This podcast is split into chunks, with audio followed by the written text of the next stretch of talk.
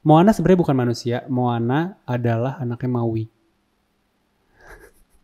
Gue jelasin.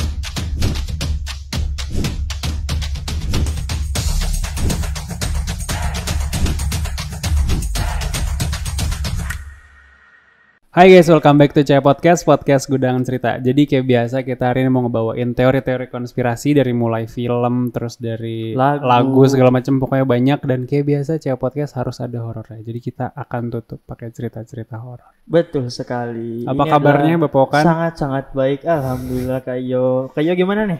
Alhamdulillah baik. Baik juga. Gimana ya lo ada lo ada cerita nggak? Eh, aku ada cerita sih. Ini jujur cerita yang paling masuk akal dan cukup mengagetkan buat aku. Ini tuh cerita tentang Hello Kitty.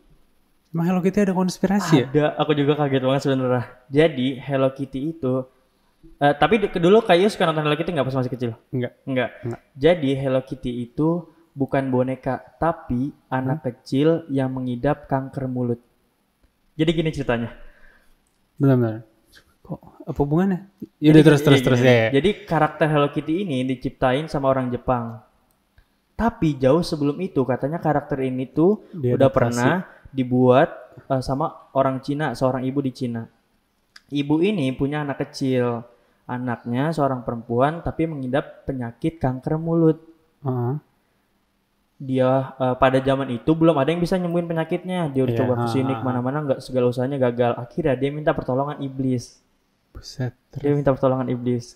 Eh, dan dan ben- eh, dan ternyata bener anaknya sembuh ternyata eh, setelah eh, dia meminta pertolongan iblis.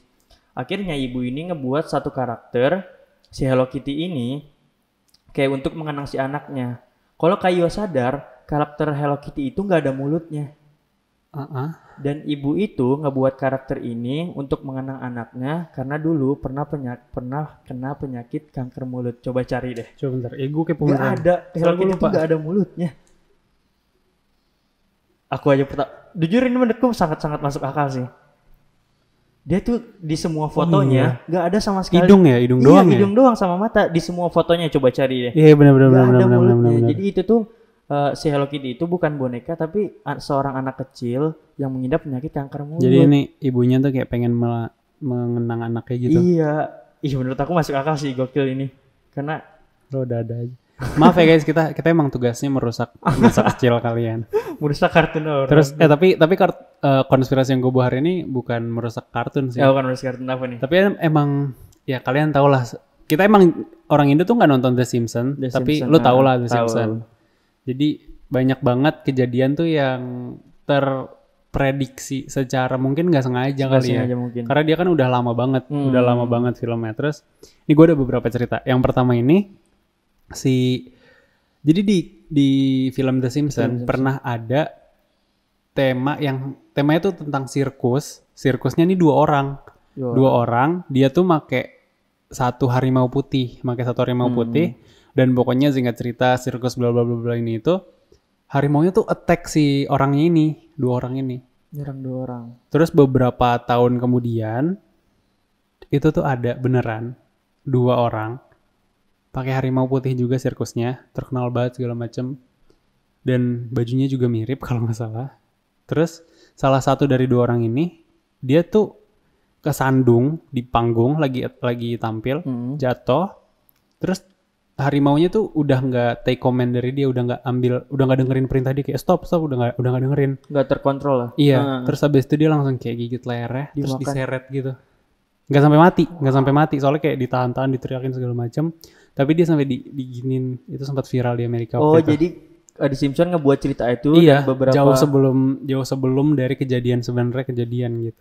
wow. Simpson tuh sering banget terus juga ada yang Donald Trump. Oh, Sims- Donald Trump. Sim- Iya, pernah Simpson dengar juga. pernah memprediksi Donald Trump. Jadi waktu itu katanya kalau nggak salah nama judulnya tuh Bar to the Future. Jadi Hmm. dia tuh kayak cabut ke masa depan dan di saat itu tuh pas dia cabut itu 2030 kalau nggak salah Hmm. itu presidennya adalah cewek. Terus Di dia bilang Amerika. Iya, di Amerika. Oh, di Amerika. terus dibilang kayak Amerika lagi hancur segala macam ini itu dan dia bilang kayak singkat cerita setelah si ce- presiden cewek ini yang mau dilantik adalah Trump. Terus ada satu foto yang ikonik banget si Trump lagi turun dari eskalator dan itu ada Ada di persis. Simpson. Iya. Terus jadi bener-bener si Donald Trump, si Simpson tuh nulis Donald Trump akan jadi presiden dan bener-bener si Donald Trump yang jadi gitu. Dan beneran kejadian. Bukan mirip orangnya, jadi ada tempat di mana dia pidato dan bacaannya tuh Trump.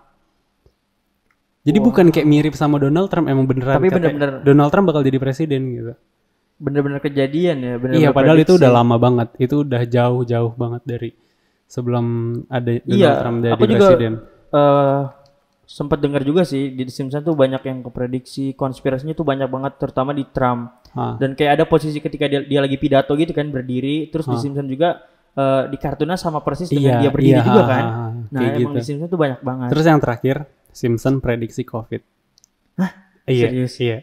Jadi bukan prediksi lah, gua nggak tahu lah gimana nyebutnya. Pokoknya mirip banget. Jadi ini kalau nggak salah di awal episodenya itu pres, eh, pokoknya pemerintahan sana, gua nggak tahu ini negara di mana. Ya Simpson, oh, di Simpson. Oke Ada yang ngomongin kayak gimana cara kita bikin virus yang mematikan segala macem ini tuh. Gua nggak, gua nggak, gua nggak nonton fullnya kan, susah dicari di Indo.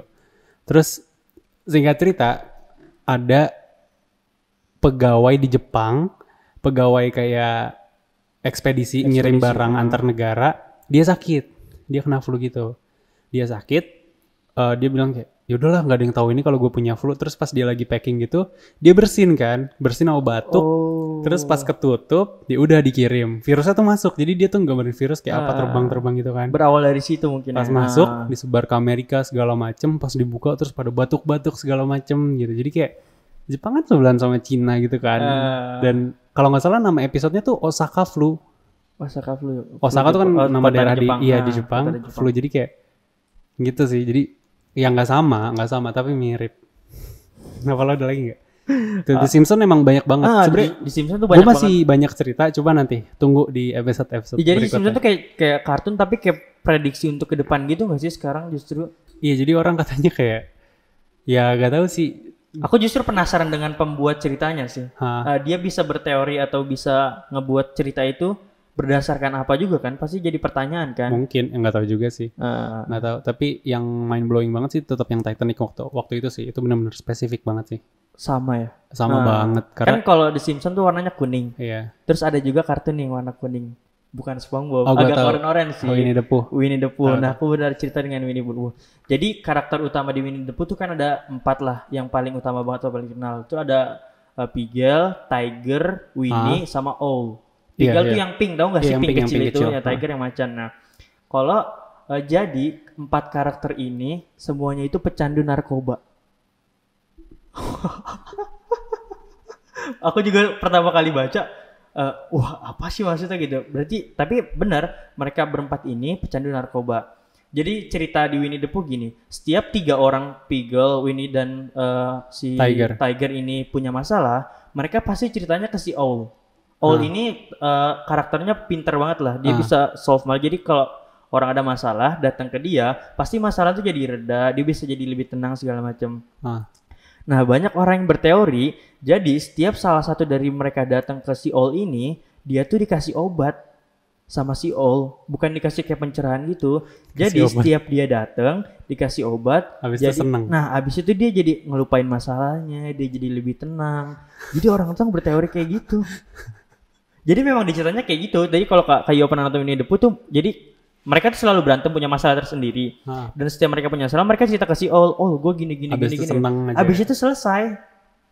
Kalau kalian yang tahu ini Depu sih seharusnya tapi ini tahu tuh sih. banyak banget orang yang bilang kayak katanya ngarang ini tuh jadi di perkartunan ini Ah. ada yang namanya fan teori jadi Ah. teori-teori yang ditimbu dibikin sama fan ini nah betul. ini tuh kita menyampaikan ini bukan kayak wah ini begini begini enggak ini lebih ke entertainment betul sekali. gue juga kayak lama-lama ngedenger kayak apaan sih orang maksudnya sekarang tuh lagi rame banget bahas Ah, covid ah, bahas ah, ini bahas itu betul. kenapa gua nggak bikin podcast kayak kita nggak bikin Hmm. podcast yang bikin kalian semua kalau denger ya udah lupa gitu sama masalah-masalah yang ada jadi gak usah lah denger kita terlalu serius tapi ya lu bisa ngebacotin ini nge- ngomongin ini sama siapa pun dan kayak kasarnya ya seru-seruan aja Ah, gitu It just for fun kan. Dan Bisa kita- ini cerita-cerita ini bisa kalian juga cerita Cari, ke teman-teman ah, ah. loh dan di Google juga banyak artikel-artikel yang menceritakan. Iya, jadi ya biasanya tuh di luar di Reddit di segala macam mereka tuh suka banget diskusi tentang kayak gini-gini dan mereka kayak gini juga bukan yang kayak oh ini kayak gini kayak gini Mer- mereka tahu kalau ini tuh buat for fun doang kayak Betul. gitu. Jadi buat kalian jangan suka aneh-aneh lah. iya nggak usah nggak usah mikir kayak Gak gimana gimana gitu. lah. Iya. Eh, terus ada kayak ada cerita apa lagi nih? Gue ada cerita tentang Inside Out Oh, Inside Out. dan Monster Inc. Oh, terus oh, yang mata satu itu enggak sih? Yang iya yang, Yang Mike Wazowski ah, terus Sully segala macam. Ini kalian harus tahu ceritanya sih. Hmm. Uh, si Okan nih soalnya nggak tahu gue ceritain dikit deh. Ini spoiler alert kalau kalian belum nonton mending skip aja tapi kalau udah ya terserah pokoknya gue, gue mau spoiler lah intinya. Iya, Jadi iya. di Monster Inc ini ceritanya dia tuh lu tau lah dia ke anak kamar anak kecil Mm-mm. lewat pintu ajaib Lihat kan pintu ajaib. untuk nakutin Nakut-nakutin betul. karena dapat teriakan terus untuk energi untuk kehidupan Ah. kan. Sedangkan di Inside Out ini ada si anak dan pokoknya cerita tentang psikologinya. Gue pengen cerita cuma tentang satu hal, Bingbong namanya. Bingbong adalah teman imaginary-nya. Imaginary friend-nya si Riley. Yang si gajah itu Ri- kan. Riley tuh iya gajah. Hmm. Riley tuh si pemeran utamanya si anak kecil. Nah biasanya kan anak kecil punya imaginary friend. Nah imaginary friend si, si Riley adalah si Bingbong. Ada satu scene di mana Riley udah mulai dewasa, dia lagi ngelewatin segala masalah ini itu dan Bingbong dilupain sama dia. Jadi dia tuh masuk ke ke namanya something gue lupa. Pokoknya kalau masuk ke situ dan gak keluar akan ada di situ selamanya dan hilang, bener-bener hilang karena udah nggak ada di memori. Udah gak ada di memori. Kayak kadang lu pernah kan punya nge-recall memori masa lalu segala macam ini itu. Nah, itu masih ada di memori. Masih ada diingatan. Tapi kalau misalnya udah masuk ke pit yang situ, kita udah bener-bener lupa. Bener-bener Jadi lupa. kasarnya kita di umur segini tuh banyak memori masa kecil yang udah hilang. pasti gitu. pasti iya sih benar-benar. Oke, nah ceritanya segitu. Konspirasinya adalah si Bing Bong adalah monster dari Monster Inc. Hah? Jadi dia bukan imaginary friend-nya Riley. Jadi kayak dari pintu ajaib juga iya. gitu. Nah, ada cerita di Monster Inc. yang ketawa itu jauh lebih kuat daripada teriak. Ada Untuk mendapatkan energi. untuk mendapatkan Ah. energi. Jadi monster-monster mulai adaptasi. Oh, kita nggak usah teriak, nggak usah nakut-nakutin, kita ajak main aja. Nah, si Bing Bong Oh. ngajak main Riley dan sering ketawa-tawa dan energinya penuh terus. Jadi Riley Riley nganggepnya dia teman, orang tuanya nganggep si Bing Bong ini imaginary Imaginary friend, friend. kita nganggepnya dia imaginary friend, tapi sebenarnya Bing Bong adalah temannya Riley yang suka bolak-balik ngajak dia main. Dan pas Oh. pas hilang di memori, itu adalah Bing Bong yang ada di memorinya Riley. Jadi sebenarnya Bing Bong masih hidup dan meninggal di, di memorinya Riley dan hilang di memorinya Wah. Riley. Padahal Ini cuma- ini make sense banget sih. Eh, menurutku masuk akal juga sih. Jadi banyak di monster yang itu juga kan awalnya dia nakut-nakutin terus lama-lama dia jadi sayang Iya juga kan? kan, malah Iya, diajak iya. main juga. Jadi awalnya tuh jadi yang bikin ketakutan terbesar itu kan si yang laba-laba gede itu kan. Iya, laba-laba gede. Lama-lama orang kayak ya ya udahlah, ngerti gak sih sama manusia. Lo dicerita apa lagi kan? ini cerita ini dari kartun juga sih. Aku mau Ah. ngabisin dari kartun-kartun dulu. Dari cerita SpongeBob lagi. Apalagi SpongeBob nih. Jadi SpongeBob tuh em- memang banyak banget ininya sih, banyak, Konspirasi dan banyak banget konspirasinya gitu loh, mulai dari perorangan, mulai dari per toko, cerita tempatnya di mana, benda yang dipakai juga Iya banyak. betul kan. betul betul. Nah, jadi SpongeBob itu ternyata setiap karakternya melambangkan seven deadly sins, Oh, gue pernah dosa dengar. dosa Gua besar manusia. Jadi aku men- menurutku ini sangat masuk akal sih, bisa bisa diterima lah, nggak terlalu menghayal banget. Iya. Jadi dari setiap tokonya itu mereka karakternya melambangkan memang benar-benar tujuh dosa besar manusia. Karakter utama kan? Beberapa karakter utamanya, mulai dari SpongeBob. SpongeBob tuh dosa nafsu. Dia tuh selalu ingin membahagiakan banyak orang dan memiliki banyak orang. Patrick dosa malas atau bodoh. Iyalah, Ya Patrick tuh siapa yang ah. nggak tahu Patrick yang Iya. nggak jelas banget. Karakternya ya gitulah dan Squidward. Rebahan doang. Squidward. Kalau Squidward tuh dosa amarah. Oh iya iya benar benar. benar. siapa pun eh, yang bersama Squidward pasti dimarahin. Tuan Crab aja yang bosnya dia suka Iya, marah-marah ah. karena minta gajinya naik kan. Terus ada Tuan Crab. Tuan Crab jelas lah dosa apa? Serakah, Oh iya serakah. Iya. greedy, apa pun yang dia eh, lakukan dia maunya jadi duit. Jadi ada satu scene Iya, juga betul. nih yang aku ingat. Jadi di, di restoran itu dia mau buat mainan anak-anak kayak time zone. Nah, Hmm. ketika dia ngebuat itu, seharusnya itu menjadi mainan tambahan doang. Jadi itu idenya SpongeBob sama Squidward itu jadi buat ide tambahan doang. Tapi kata Tuan Crab, enggak ini jangan cuma mainan doang, kita ambil duit dari sini. Yang awalnya banyak peminatnya karena diduitin jadi sepi. Aha. Makanya itu itu Iya. eh, itu melambangkan yang Tuan ini kan yang kayak mesin-mesin itu kan. Hmm. Iya inget. Nah, terus Sandy. Sandy ini dosa sombong.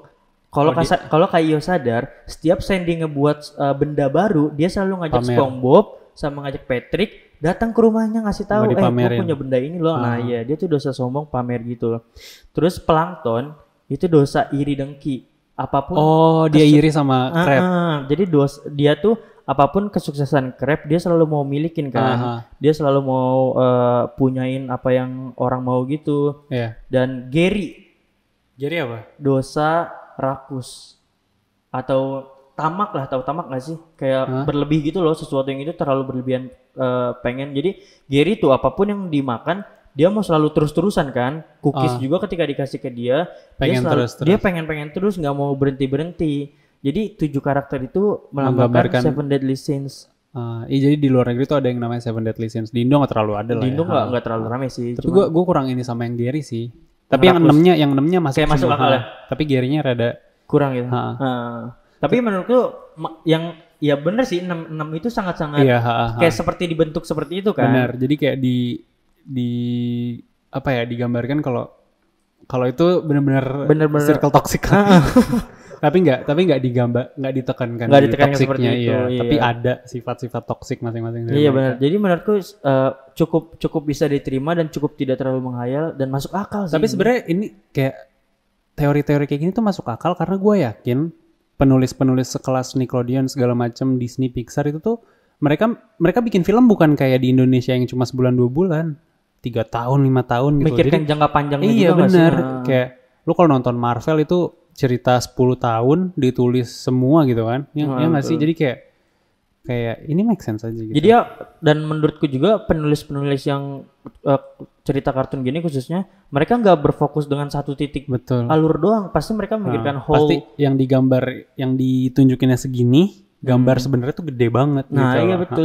Kadang-kadang aku pernah ngeliat film-film juga kan eh, sedetail tato ada di sini tuh bisa jadi ada Iya, maknanya juga tahu. Kayak, oh iya iya Nah, benar kayak ternyata tato ini tuh melambangkan dia seperti ini seperti ini. Jadi aku yakin penulis-penulis besar nggak mungkin membuat cerita hanya berfokus pada Iya, betul, ceritanya. betul, Jadi dia betul. pikirin whole whole story-nya sih. nah terus gue juga ada lanjutan dari Monster Inc ini sih bukan teori yang rame gimana gimana ini menurut gue Nah, Monster Inc. Monster Apa? Inc menggambarkan kalau sebenarnya manusia adalah the actual monster. Monster yang sebenarnya adalah manusia.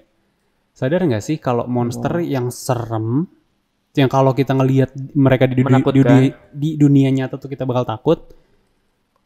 Tapi mereka menggambarkan kalau mereka tuh takut banget sama manusia gitu loh. Ngerti nggak sih? Si monster oh monster-monster yang ada di Ah, monster. Oh iya sih. Jadi kayak mereka sebenarnya mereka tuh menggambarkan kalau kita tuh butuh untuk hidup berdampingan. Berdamping. Karena mereka harus masuk ke dunia sini, balik lagi masuk sini, balik lagi. Tapi dia takut bahkan sama anak kecil yang eh, notabene tuh cute gitu kan. Heeh.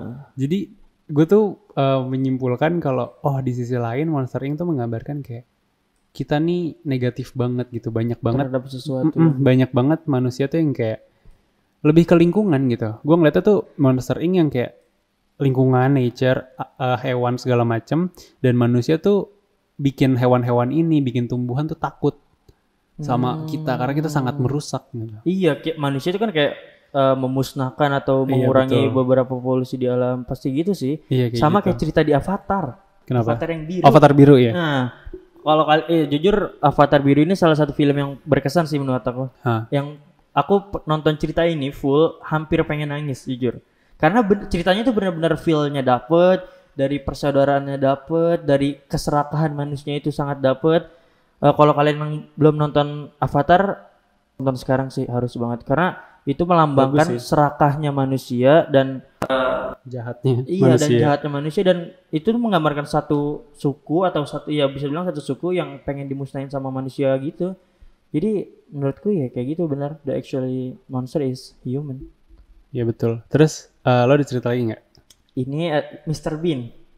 Kenapa? Ada, lagi? Mr. Bean. Kemarin eh, kalau kalian belum tahu eh, cerita kita kemarin jadi Nonton aja deh, Ah, nonton, nonton aja. Pokoknya kemarin. di episode sebelumnya Nah. ada tentang Mr. Bean. jadi Mr. Bean pasti yang nggak siapa yang nggak tahu Mr. Bean kan? Ah.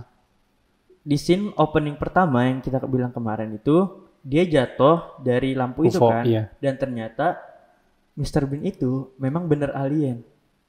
Oh kalau dari lu emang alien memang bukan alien. bukan diculik. Iya, Max Mr. Bean itu memang bener-bener alien. Alasan apa? Jadi ada salah satu episode di seriesnya eh, Mr. Bean yang Mr. kartun. Bean itu judulnya Clubhouse. Kalian bisa cari di YouTube nonton. Nah, di, durasi, di durasi akhirnya dia tuh ngelihat cewek yang dia suka terus pacaran sama cowok lain. Akhirnya dia pulang melewati toko eh, toko televisi gitu di luar negeri toko televisi tuh TV-nya di ke depan kedepanin kan Hah. diliatin nyala nyala gitu Hah. nah ketika Mr. Bean lewat situ semua TV-nya renyek Oh, karena dia menimbulkan jadi menim kayak kan kalau alien Elektromagnetik. ah, ah, efek magne- magnetik gitu jadi kan kalau alien tuh eh, sinyal-sinyal segala macam mati gitu kan nah Ah. setelah Mr. Bean lewat situ semua itu mati. semuanya Kayak gue tahu padahal deh. baru nah, setengah Yang di toko TV kan. Nah, di toko TV Ah, nah, pas tahu, dia tahu. lewatin semua nyala lagi. Pas dia balik lagi itu renyak semua. Menurut aku ini gokil sih. Masuk akal. Iya, masuk akal. Kan ya masa manusia lewat doang eh, Hmm. menimbulkan efek segala macam, tapi kan Ya bisa ini sih, bisa Nah, masuk Nanti masuk. Kak Kayu nonton deh. Nanti aku kasih tau videonya. Tahu, tahu, Aku- gua- Aku ada gua videonya, aku ada videonya. Nah, Jadi bisa apa? kalian cari sih itu. Gue inget sih, gue masih inget itu filmnya. Hmm. Terus tadi kan gue ngomongin Monster Inc, Nah. terus ngomongin itu. Terus gue pengen ngomongin Monster Inc lagi tapi Bu. Lu tau Bu kan? Si Monster Inc yang, yang bocahnya, yang, bocahnya yang ah, ah. kecil tahu. Nah, lu tau film Brave gak? Nggak tahu. aku. Ya nggak tahu ya. Jadi di Brave itu singkat cerita ada namanya, aduh kalau nggak tahu nggak seru. Jadi di Brave itu ada kayak si anak ini, aduh spoiler lagi guys. Si anak ini tuh pengen kayak something something something, gua nggak mau terlalu spoiler. Dia ke penyihir. Yang Dia- ibu yang Ibunya ayahnya- jadi ibunya jadi beruang. Ah, betul. Jadi Aku, aku beruang. tahu aku nonton. Nah. Ah, aku nonton. Lu tau penyihirnya kan? Aku tahu. aku Jadi tahu. Konspirasinya adalah, ini jangan jangan protes dulu dengerin. konspirasinya adalah si penyihir itu itu bu, itu bu. Iya itu bu. Gini, jadi ada scene di mana penyihir dia ngajak kayak si anak di Brave ini, gue lupa namanya siapa, disuruh keluar sama si penyihir itu, terus penyihirnya masuk ke dalam rumahnya. Pas ditutup hilang.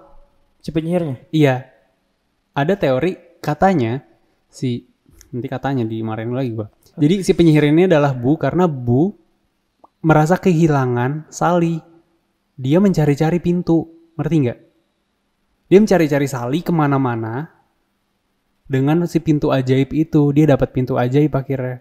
Dia nyari ke sana sini masa depan masa lalu untuk nyari si Sally karena dia kangen. Sampai tua akhirnya dia jadi penyihir karena dia pengen di Sally.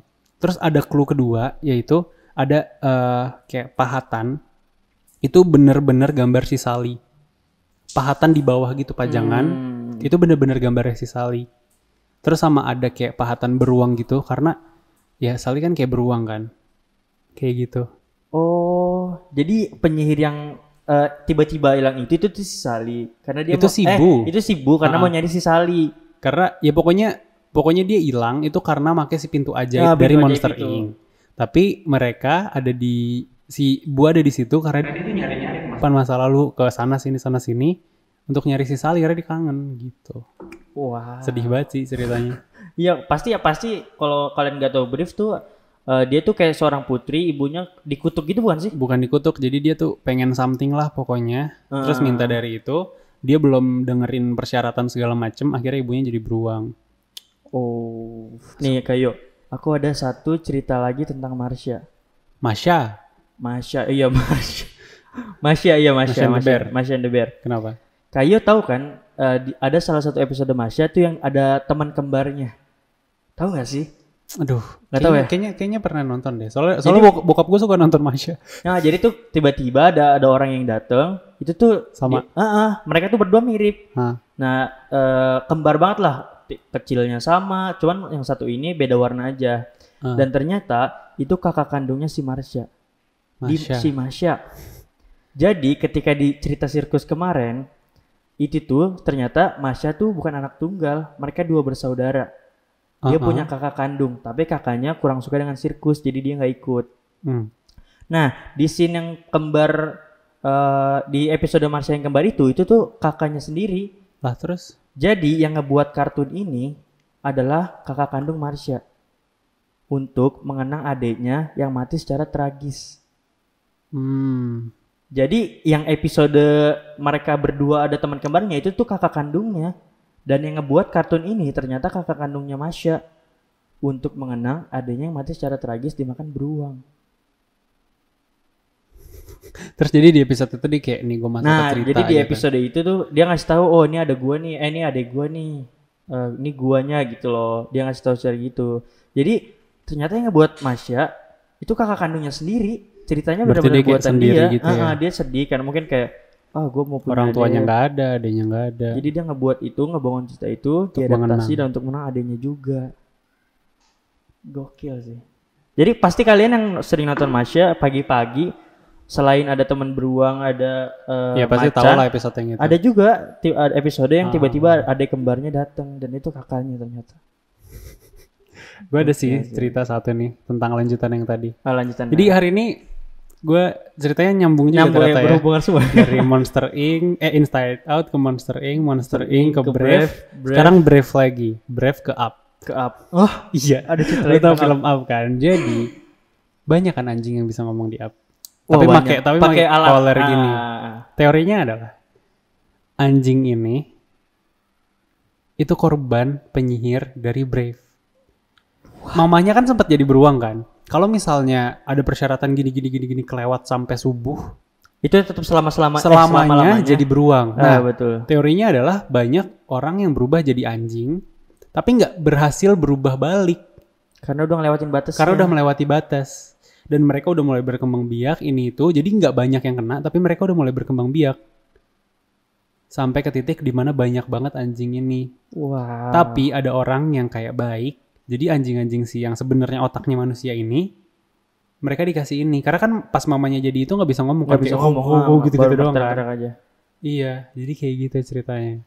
Wow, jadi makanya oh alat itu hanya ngebantu iya untuk jadi mereka sebenarnya apa yang mereka bukan lihat. anjing bisa ngomong tapi itu manusia yang nggak bisa ngomong karena jadi anjing terus dikasih kalung gitu. Wah. Jadi emang ada teori katanya tuh Pixar itu mereka satu universe kayak Marvel. Dulu kan kita kalau nonton Spider-Man Spider-Man aja, Spider-Man Hulk Hulk aja, Hulk. Iron Man Iron Man.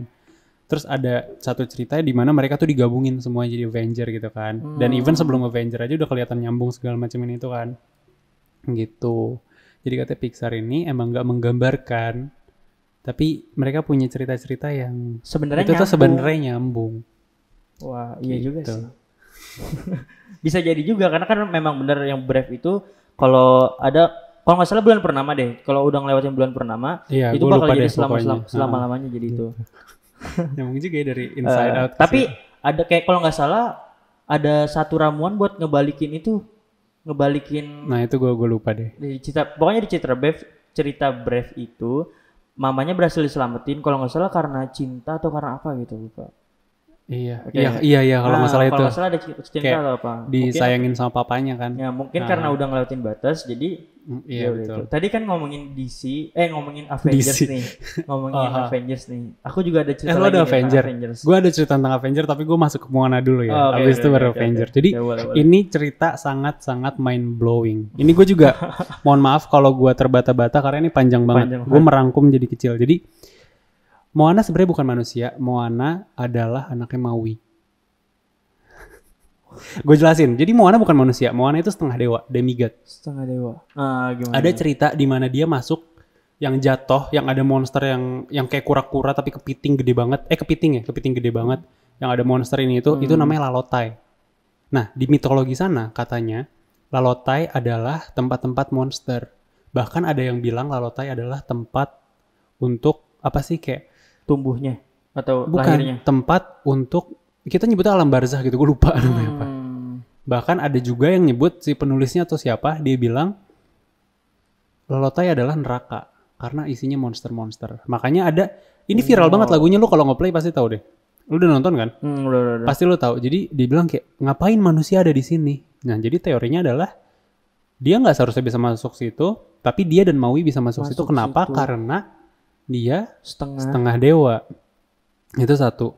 Dan yang kedua Oh. banyaklah cerita-cerita dia nggak jadi mati segala mac- segala Hmm. macam ini itu. Yang keduanya kenapa dia adalah setengah dewa? Hmm. Ada kan neneknya yang meninggal. Hmm, neneknya. Namanya Grema Tala. Nah di mitologi Tag- Tagalog, Filipin, Filipin. iya. Maaf kalau salah. Ini maaf banget kalau salah. Soalnya baik banget informasi. Ah, Grema Tala, namanya kan Grema Tala. Grema Grema Tala adalah dewa bintang. Jadi ada satu scene di mana dia bilang kayak tenang aja kalau misalnya Grandma udah nggak ada, kamu cari Maui aja dengan me- melihat ke bintang. Karena itu Gremanya, itu Gremanya yang menunjukkan. Terus pernah dibilang kayak lu cari Maui eh, dengan melihat bintang. Terus kayak ada yang tongkatnya Maui dalam bentuk bintang. Jadi bintang tuh me- membentuk si tongkatnya Maui. Jadi Maui itu ada di bawahnya Nah. gitu. Ingat nggak sih? Nanti adalah gambarnya muncul. gitu. Nah, otomatis anaknya pasti. adalah dewa kan? Eh, keturunan dong. Berarti siapa? keturunan. Mamanya Maui adalah dewa. Wah. Jadi Iya sih, gue lupa deh, gue lupa. Pokoknya namanya kan sih. gue nggak tahu ini dewa atau bukan. Tapi yang jelas mamanya namanya Sina adalah perempuan cantik yang dicintai oleh belut. ini nggak masuk akal, maaf. Tapi dengerin please. Eh. Jadi si belut ini karena dia kesel kayak apaan sih masa gue disukai Oh, nama iya, belut. maksud- Akhirnya dia di- dia cerita ke suaminya. Dia cerita ke suaminya. Dia bilang ini bunuh dong belut. Akhirnya bunuhnya dibel- dibunuh belutnya. Bunuhnya di belut. Dan akhirnya ada satu, aduh gue cariin deh maaf bentar. Gue Satu cariin scene di lagunya. satu scene di lagunya dia bener-bener bilang kalau gue bunuh belut, gue gua tanem uh, isi perutnya muncul jadi kelapa. Dan kalian bisa mendapatkan kelapa iya. Itu ada sih di lagunya. Itu Ya, ada. Aku, aku, aku pernah nonton juga. Nah kayak gitu jadi teorinya adalah Moana anaknya Maui. Wah, gokil. Ada itu nanti apa mau gue play aja lagunya? Gak usah. Nggak usah sih, nggak Nggak usah. usah. Tapi memang ada di lagu. Jadi di soundtrack bukan sih itu, bukan soundtracknya. Jadi lagu yang You're Welcome, Oh, yang kalian lagu- tau lah iya. semua You're Welcome. Nanti Lagu- nanti coba di play deh lagunya. Nah, jadi ada satu kata-kata yang menjelaskan itu. Iya, I killed an eel, I buried the Ah. the guts. Terus pokoknya muncul, gue lupa Pohon liriknya, kelapa dan- muncul pohon kelapa. Udah jadi di situ gitu. jadi teorinya adalah mau itu suaminya si mamanya dan si Moana ini Anaknya. anak anaknya dewa dan cucunya dewa juga. Gitu. Wah, gokil sih, gokil. Terus juga, oh iya terus ini gua kelewat nih. Jadi ada namanya Kaneapua. Itu namanya? Kaneapua adalah dewa berbentuk manusia. Ada scene di Moana yang dia tuh membelah lautan. Kasih jalan TK ke gua. TK tuh yang si si yang jahatnya. Oh, Bukan. Yang Teviti Yang tahu kan? Teviti kan yang udah ditaruh batunya kan. Teviti adalah TK dan tadinya TK tuh ketahan sama dia karena ada lautan. Ada Terus dia lautan. bilang kayak biarin TK jalan ke gua. Dia ngebelah lautan. Gitu. Bener-bener banyak banget buktinya. iya kayaknya banyak. Padahal ini di satu cerita loh. Padahal ini di satu cerita loh. Iya, terus kayak dia dia dibantu sama lautan, dia tenggelam naik lagi segala macam ini itu dan kayak dia langsung ngebond sama si Apa sih namanya kayak punya Punya feel atau punya chemistry sama chemistry, Maui chemistry. Hmm. segala macam ini itu. Itu Ternyata Jadi make sense banget. Kan siapa sih yang nonton Marvel anak sekarang? Siapa yang nggak tahu Marvel? Jadi katanya tuh, lu tau lah Age of Ultron, Avenger tahu. kedua. Ini spoiler ya, spoiler lagi karena film. Jadi di Avenger ada namanya Ultron. Ya Age of Ultron, Ultron, pasti, iya, si pasti Ultron kan. Nah, kalau lu perhatiin Ultron itu, gue ceritain konspirasi dulu deh. Intinya adalah Ultron suka sama Wanda. Wanda yang cewek. Wanda Vision ya yang tahu merah tahu itu. tahu yang merah. Nah, jadi si Vision, ya jadi dia tuh sayang sama si Wanda. Nah, si Vision ini kan kekasihnya si Wanda yang sebenarnya kan. Kalau lo perhatiin, Ultron itu ada bagian dari Vision. Eh, kebalik ke Vision ada bagian dari Ultron. Di dalam nggak? salah satu Yang bikin yang bikin Vision siapa? Ultron. Iya kan? Oh. Nah, terus ada scene pas pas si Oh, iya, pas si iya. Ultronnya udah mau kalah, yang si ininya mau udah jatuh, mau jatuh ah. segala macem. Dia bilang kayak Wanda lu kalau di sini nanti mati. Ada scene dia ngomong kayak gitu. Terus sebelumnya ada si Ultron kan benar-benar sadis banget kan. Nah dia tuh pengen ngajak kerja sama si Wanda sama kakaknya apa adanya gitu. Yang yang cowok cepet banget itu kan. Nah, kerjasama untuk Nah, untuk? ya pokoknya me-accomplish si misi Ultron untuk menghancurkan dunia. Nah, pas Wanda sadar, tadinya kan Wanda mikirnya, oh si Ultron mau ngancurin Avenger. Ternyata Ultron mau ngancurin bumi. Pas si Wanda sadar, Wanda marah. Tapi Ultron harusnya ngebunuh dong. Ngebunuh. Kayak apaan sih nggak jelas gitu. Hmm. Nah, dia malah ngajak ngobrol supaya supaya ya udah supaya sependapat gitu, supaya bisa kerja sama. Kayak gitu teorinya. bisa gitu. Terus juga eh dia tuh kan kayak kelihatannya emang robot, tapi sebenarnya dia nggak jauh beda sama Vision gitu. Dia udah bener-bener Manusia. self conscious gitu. Iya, jadi kayak udah AI yang apa artificial intelli- intelligence yang udah level atas banget yang dia tuh udah bisa berpikir secara manusia mandiri iya gitu. Wow. Gitu. Tapi jujur aku tidak nge sih ketika eh enggak enggak enggak maksudnya ada scene yang ketika dia ngomong Ada ada ada. Nanti di play oh deh. ya makin nanti nanti kita cari. Nah terus aku juga ada nih sama ini fun eh, faktanya menurutku alasan lebih logis kenapa Kapten ini tentang Mjolnir Mjolnir eh, palunya Thor. Palunya Thor ya. Jadi kemarin kan kita juga ngebahas juga katanya kan eh, dia belum bisa mengangkat dan Hmm. baru ngangkat sedikit yang pasti baru waktu itu. Ternyata ada alasan lebih valid. Jadi film Avenger itu eh, di semuanya kan memang nyambung kan Hah. dan ini eh, alasan ini nyambungnya tuh ada di Age of Ultron, Civil War sama di Endgame. Kenapa? Yang yang bisa ngangkat palu Thor adalah yang berhak. Iya. Dan memang kapten itu paling bijak, paling Nggak berdosa wise, kasarnya, nggak berdosa dan memang yang harus yang bisa ngangkat Mjolnir ini yang bisa dibilang kayak nggak berdosa lah. Iya. Dan kenapa di bar dia eh, baru bisa ngangkat sedikit? Karena masih ada satu dosa yang ditutupin sama kapten. Oh iya, apa? Tahu nggak apa? Apa? Kalau kalian sadar, Kapten Amerika itu udah tahu dari awal kalau ayahnya Iron Man meninggal. Oh iya iya bener bener bener bener. Tapi dia Sumpah gue masih excited banget. nutup-nutupin. Iya iya iya iya. Dia iya, masih iya, nutup-nutupin. iya. Nah, di yang Civil sama War, si ini kan si ah gue lupa namanya Mbak bar bar bar bar gitulah pokoknya gue itulah. lupa ah. Nah, nah ma- ada masih satu dosa yang ditutup-tutupin makanya dia baru ngangkat sedikit. Oh. Di Civil War dia ketahuan dan mengakui dosa itu kan. Ha. Makanya di, di Endgame, endgame dia, bisa benar-benar menguasai. ngangkat. Iya iya iya. iya. Dan menurut itu valid banget sih Oh bener iya sih. make sense make sense. Dan kayak kayak tau nggak tameng Kapten Amerika dibuatin siapa? papanya Iron Man Nah betul. si ini. Mm, eh, makanya sebenarnya Iron Kapten tuh udah tahu bahwa ayahnya meninggal tapi dia masih tutup-tutupin. Jadi satu dosa oh itu iya iya menyebabkan dia nggak bisa angkat Mjolnir itu. Terus juga ini ini bukan konspirasi sih. Bukan Jadi konspirasi. buat super fan-nya Marvel, kalian tuh kalau misalnya tapi super fan pasti udah nonton Super sih. Tapi kalau kalian pengen menyu bener-bener memahami Marvel harus banget nonton Civil War sih. Iya karena- sih. Civil War bukan kayak perang paling besar atau segala macem. Dibilang paling seru juga kalau mau jujur enggak karena mikir. Kurang sih. Semua semua Kapten Amerika tuh filmnya mikir. Tapi iya iya bener. Kalau lo perhatiin Kapten Amerika tuh niche-nya orang tua. Target mungkin target. iya target marketnya. target market Iron Man lebih muda. Terus Spider-Man dia dia pakai Tom Holland biar anak muda Betul. dan cewek-cewek kena. Jadi ini ini dari sisi bisnisnya ya. Gue tuh memperhatikan juga.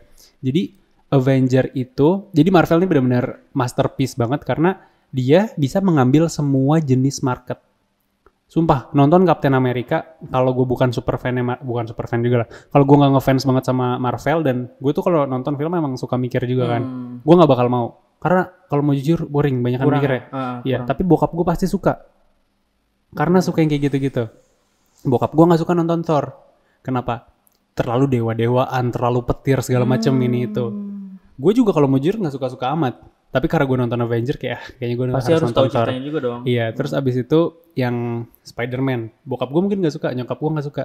Tapi teman-teman seumuran kita yang cewek-cewek suka karena cowoknya cakep si Tom Tom Holland. Holland ini cakep Dan anak-anak kecil siapa yang nggak mau jadi Spider-Man? Betul. Iron Man, anak-anak cowok siapa yang nggak suka jadi Iron Ya Man? kecil waktu kecil aja aku bercita-cita jadi Spiderman kan. Iya kan, terus iya pasti kan kita per sek gitu mikir-mikir. Terus WandaVision dia narik orang-orang yang suka perbucinan segala macam Iya itu gitu. bucin banget sih film Dan kayak tapi WandaVision agak sini sih. Agak Gue bahas yang sebelum-sebelumnya aja. Nah, jadi dari semua demografik dari bocah sampai yang tua, dari cowok sampai cewek segala macam disatuin di Avenger dan pas udah suka Avenger, tadinya gue suka cuma, cuma suka Spider-Man dan Iron Man let's say.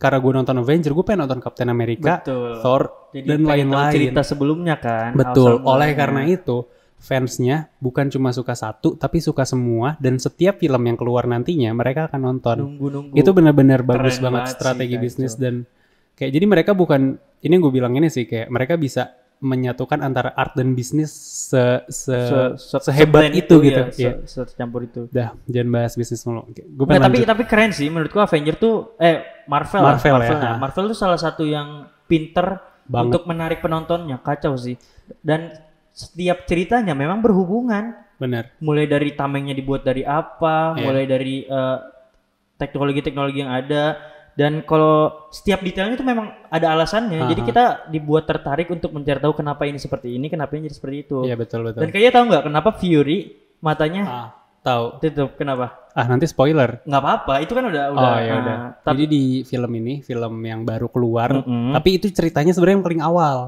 si Captain Marvel. Hmm. Itu kan kucing kan. Heeh. Dia nyakar matanya, tapi sebenarnya dia bukan kucing. Dia sebenarnya peliharaan dari planet lupa gue mana namanya. gitu yang Iya. makan Tapi dia menjelma jadi kucing karena semua makhluk di sana tuh bisa menjadi orang, bisa menjadi apa gitu kan. Nah, peliharaannya jadi kucing. Hmm. jadi kalau nggak salah kucingnya itu nelen itu bukan? nah Iya. Loki itu kan iya si jadi batu apa sih gue lupa Soulstone atau Iya. Mind Stone gue lupa. Dan itu scene itu adanya tuh di setelah credit title gitu loh. Jadi film Marvel, Iya, beberapa film Marvel dia sengaja nyempilin Iya scene betul. terakhir Betul. di filmnya itu buat eh, kayak clue-clue apa selanjutnya ah. gitu. Ngomong- Ngomong-ngomong tentang after credit, ada after creditnya Spider-Man Far From Home Far From Home ya, yang Spider-Man kedua kedua. itu kan Misterio kan nama penjahatnya. Jadi konspirasinya adalah Misterio berhasil menjalankan Eh. Misinya. Iya. Jadi konspirasinya adalah Misterio itu berhasil walaupun dia meninggal. Tujuannya dia adalah itu katanya. Karena gini, dia pengen banget jadi kayak Iron Man. Hmm, Jadi gini, Iron Man apa di Endgame? Meninggal sebagai meninggal hero. sebagai Nah, hero. kacamata yang dipakai sama Spidey apa? Sama si Peter. Namanya tuh Edith. Ingat kan? E D I T H. ada itu ya. Itu singkatan dari Even Dead, I'm, a- I'm the hero. Walaupun mati, gua hero-nya. Mysterio, dia mati. Tapi orang ngiranya apa? Even Dead, I'm the hero. Jadi dia udah berhasil mencapai tujuan hidupnya untuk menggantikan Iron Man sebagai pahlawan yang gugur. Buat oh, Nah, bagus sih. di after credit itu ada scene, ini mungkin nggak bisa di play karena Ah, panjang. usah, iya. Jadi si Spidey itu disebarkan identitasnya. Sengaja dengan Secara sengaja kan si Misterio teknologi banget Ah, kan. teknologi banget. Dia sebarin ke gue lupa namanya itu Daily Bugle kalau nggak salah. Jadi disebarin di di NYC tahu kan New York NYC, City yang yang banyak layar-layar segala macem. Ada breaking news katanya Spider-Man tuh jahat, dia nge-order apa memerintahkan si drone-drone ini untuk membunuh Misterio. Nah, itu udah direncanakan. Gitu katanya. Dan masuk akal, masuk akal banget. Karena itu ada di after creditnya Marvel gitu. Ini bukan kayak teori yang come up dari mana-mana, tapi Hmm. dan masuk akal banget. Jadi kayak ya, ya emang Misterio mungkin dia sadar dia nggak punya kekuatan, dia cuma paham teknologi. Akhirnya dia benar-benar ya udah gue pengen mati sebagai hero aja. gitu. Berarti tercapai kan misi iya intinya adalah Misterio dapat mencapai tujuannya. Nah, dan dan aku punya fakta menarik di Endgame. Apa? Nah, jadi Endgame itu kan eh, arti sebenarnya adalah kayak permainan berakhir, Iya. and all semuanya Aha. berakhir ya sebuah berakhir berakhirnya sebuah game lah. Hah. Tapi di permainan catur Endgame itu berarti permainan, Permainan- selesai, tapi masih ada bi- bidak-bidak yang Pieces-pieces kecil. tersisa. Iya betul. Nah di Endgame semua superhero kan beberapa ada yang hilang, tapi nggak bener-bener hilang semuanya kan. Hah. Jadi benar-benar cuman eh, ya tersisa beberapa doang. Hah. Jadi Endgame tuh bukan benar-benar berakhir, tapi masih ada bidak-bidak yang tersisa. Dan kerennya Marvel lagi, salah satu kerennya Marvel adalah setelah Endgame kayak dia kan menciptakan alur yang Iya. ha, ha, Endgame ha. dibikin meledak kan Endgame, Endgame kurang eh, penontonnya tahu lah sebanyak apa. Hmm. Meledak banget setelah itu karena dia adalah dia pecahin lagi hero pu- setelah Endgame setiap hero tuh punya cita-cita lagi Iya, betul. kayak Doctor Strange punya cita lagi ini punya ah, lagi dan Marvel tuh memang gokil sih tapi kalian nonton ini gak sih Eh, saingan Marvel tahu gak sih DC. DC nonton gak Enggak. Kurang. Jujur. Enggak. Gue kalau ngobrol itu sama gue gak nyambung soalnya Superman gitu-gitu kan kurang tertarik kurang Oh, suka kurang juga. suka. Iya. padahal menarik juga sih Iya asik-asik tapi kayak beda gitu. Kalau Marvel bener-bener kayak ceritanya menurut gue masterpiece banget. Nah, sih jadi emang Terus Iya, ada, gue pengen nyelipin satu fun fact terakhir nih tentang Marvel sebelum kita ganti topik. Hmm. Jadi di Endgame itu scene pertama tikus tau. Eh scene pertama sih ini sih si Hawkeye. Tapi kan ada Hawkeye, ada iya, ada scene yang tikus mencet itunya si Ant-Man. Ingat gak? oh ya oh tahu tahu Iya. Nah kalau kalau lu sadar, eh, eh kalau lu tahu nih, Ah. jadi Captain America yang perang sama Captain America, inget nggak? Kan mereka balik Captain ke America waktu perang kan? sama Captain America Iya. Kan dia ke masa lalu kan. Oh. Captain America berantem sama Captain, sama Captain tahu America. tahu tahu Kan sama-sama kayak Shield kan. Shieldnya tuh CGI. Nah, maksudnya Marvel itu sampai sekelas di mana segalanya adalah CGI. Tapi tikus yang ada di situ tuh bukan CGI. Itu tikus yang beneran acting dia bilang. Iya. wah gokil sih Eh, sama ini satu fun fact terakhir tentang Marvel sebelum kita ganti. wah banyak ya tentang Marvel Iya, gue sebenarnya tuh Kacau, kacau. ngefans banget dan gue kalau udah suka sama something gue merhatiin sampai sampai Z sedetail gitu. itu Iya. Nah, si Wanda, inget gak sih yang si Wanda tuh kan di Endgame tuh ada scene di mana kayak semuanya tuh balik lagi kan, yang si Hulk Normal. gitu. Ah, iya. Akhirnya balik lagi terus semua superhero nyambung kan.